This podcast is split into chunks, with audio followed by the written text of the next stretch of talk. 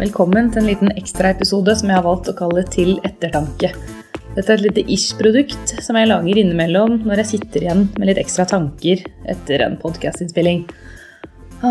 Episoden med Katrine Krøger det var jo først og fremst min første episode. Det ble kanskje litt brå slutt. Fordi han, eh, produseren sa plutselig nå, dere, nå har det gått langt over 40 minutter. Oi, oi, oi. Da var det bare kutt, stopp, takk for deg og ferdig. Egentlig så burde jeg brukt litt mer tid på å si tusen takk for at du kom, og det har vært veldig fint å ha deg i studio. Og så overrekket en vinflaske som jeg kjøpte til henne, på en uh, litt finere måte. Ikke bare 'her er vinen, og vær så god, ha det'. Men det, det, jeg sitter mest igjen og tenker på etter den episoden, det er det med, med denne sykepleierklagedebatten, da. For Katrine hun syns jo det har blitt helt pinlig med at alle sykepleiere på en måte klager hele tiden. Det er i hvert fall sånn mediebildet fremstiller det. Men jeg tror nok at de som har eh, skrevet disse innleggene, de, de mener det nok. Da er det nok rett fra hjertet, og sånn som den sykepleieren faktisk har det på jobb. da.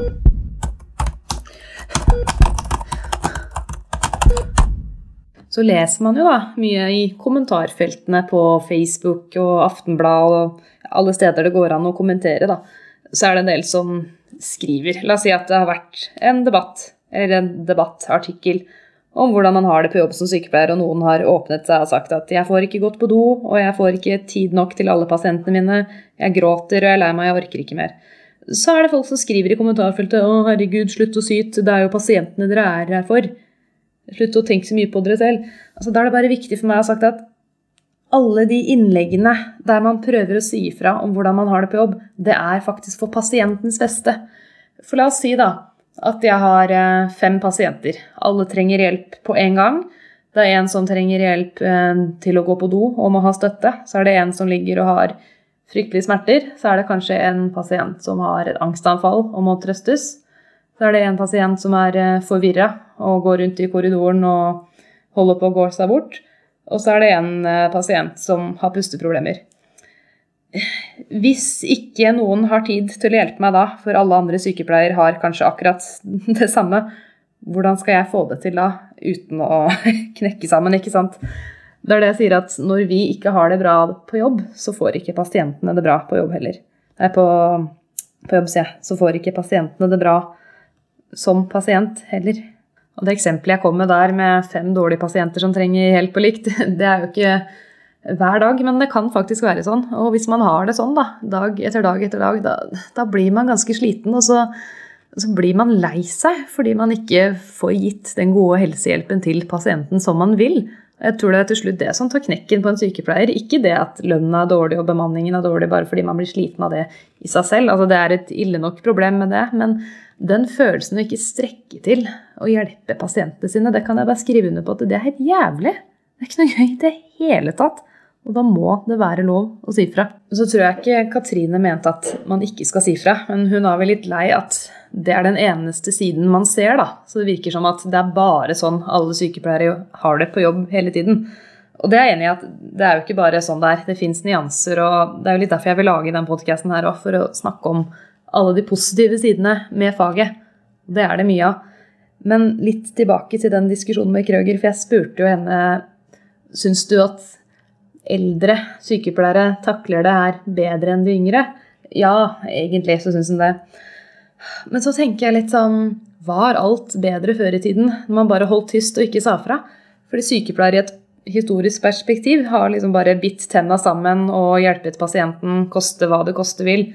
Men så begynte det jo å endre seg litt. Ehm, det var først i 1968 at sykepleiere hadde tenkt til å gå til streik for første gang, men da ble man stoppa så fikk de til første streiken i 1972. Det var første streiken som ikke ble stanset. Og så har man på en måte kjempet litt siden den gangen. Og jeg har så stor respekt for alle de kvinnene på 70-tallet som sto opp for kvinners rettigheter, både når det gjelder kvinneyrker, men kvinnekroppen og hele den feministbevegelsen. Så følte jeg kanskje at det ble litt stille sånn på 80- og 90- og tidlig 2000-tall av det jeg har lest. Men så er det den min generasjon, da, oss unge som liksom har måttet ta så mange kamper. I 2017 så var det metoo, og i 2019 så var det veldig fokus på klima.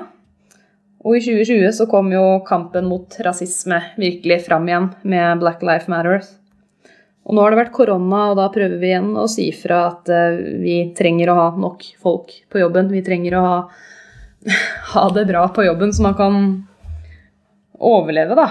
Både overleve selv med god nok økonomi og ikke bli slitt ut, og kunne ta vare på pasientene. Så føler jeg at siden min generasjon må si fra om så mye, da, om både metoo og ting med rasisme og Ja, nå er det jo den store kampen om å bli akseptert som transperson. Så blir vi sett på som den generasjonen som ikke tåler noen ting og ikke har noe ryggrad og bare blir krenka. Men det er ikke lett det her, altså, for jeg er enig, man skal ikke man skal jo ikke hyle og skrike for verdens minste lille ting, men det er viktig å si fra.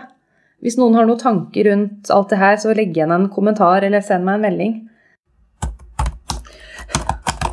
Så har jeg jo tenkt litt da at Katrine hun syns jo det begynner å bli pinlig at vi klager så mye på hvordan vi har det på jobb, at det er for mye å gjøre. Men selv så jobber hun jo bare 28,8% stilling, som hun selv sa, og noen ekstra vakter som da til sammen blir ca. 50 Og jeg må kunne tørre å påstå at det er mer slitsomt å jobbe 100% stilling i tredelt turnus kontra en 50% stilling.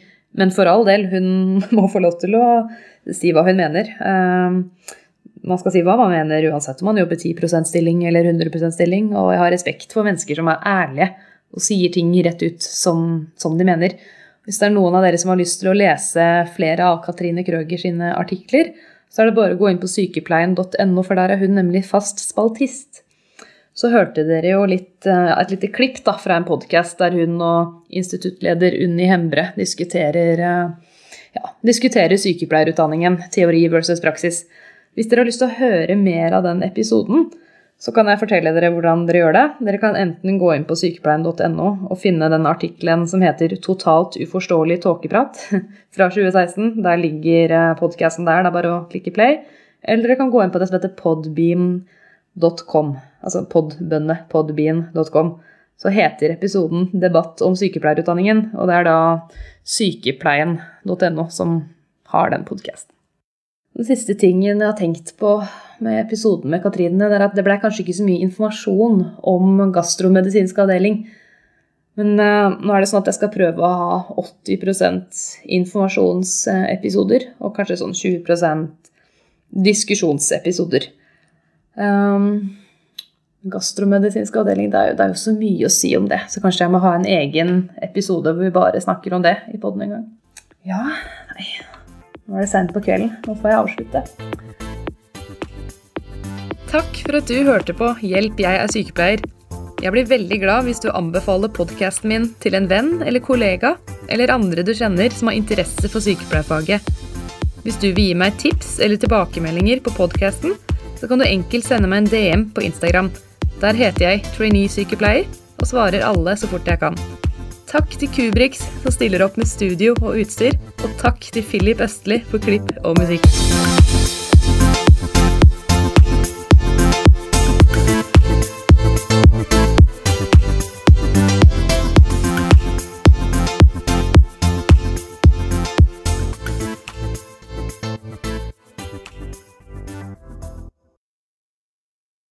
Har du et enkeltpersonforetak eller en liten bedrift? Da er du sikkert lei av å høre meg snakke om hvor enkelt det er med kvitteringer og bilag i fiken, så vi eh, gir oss her, vi. Fordi vi liker enkelt. Fiken superenkelt regnskap.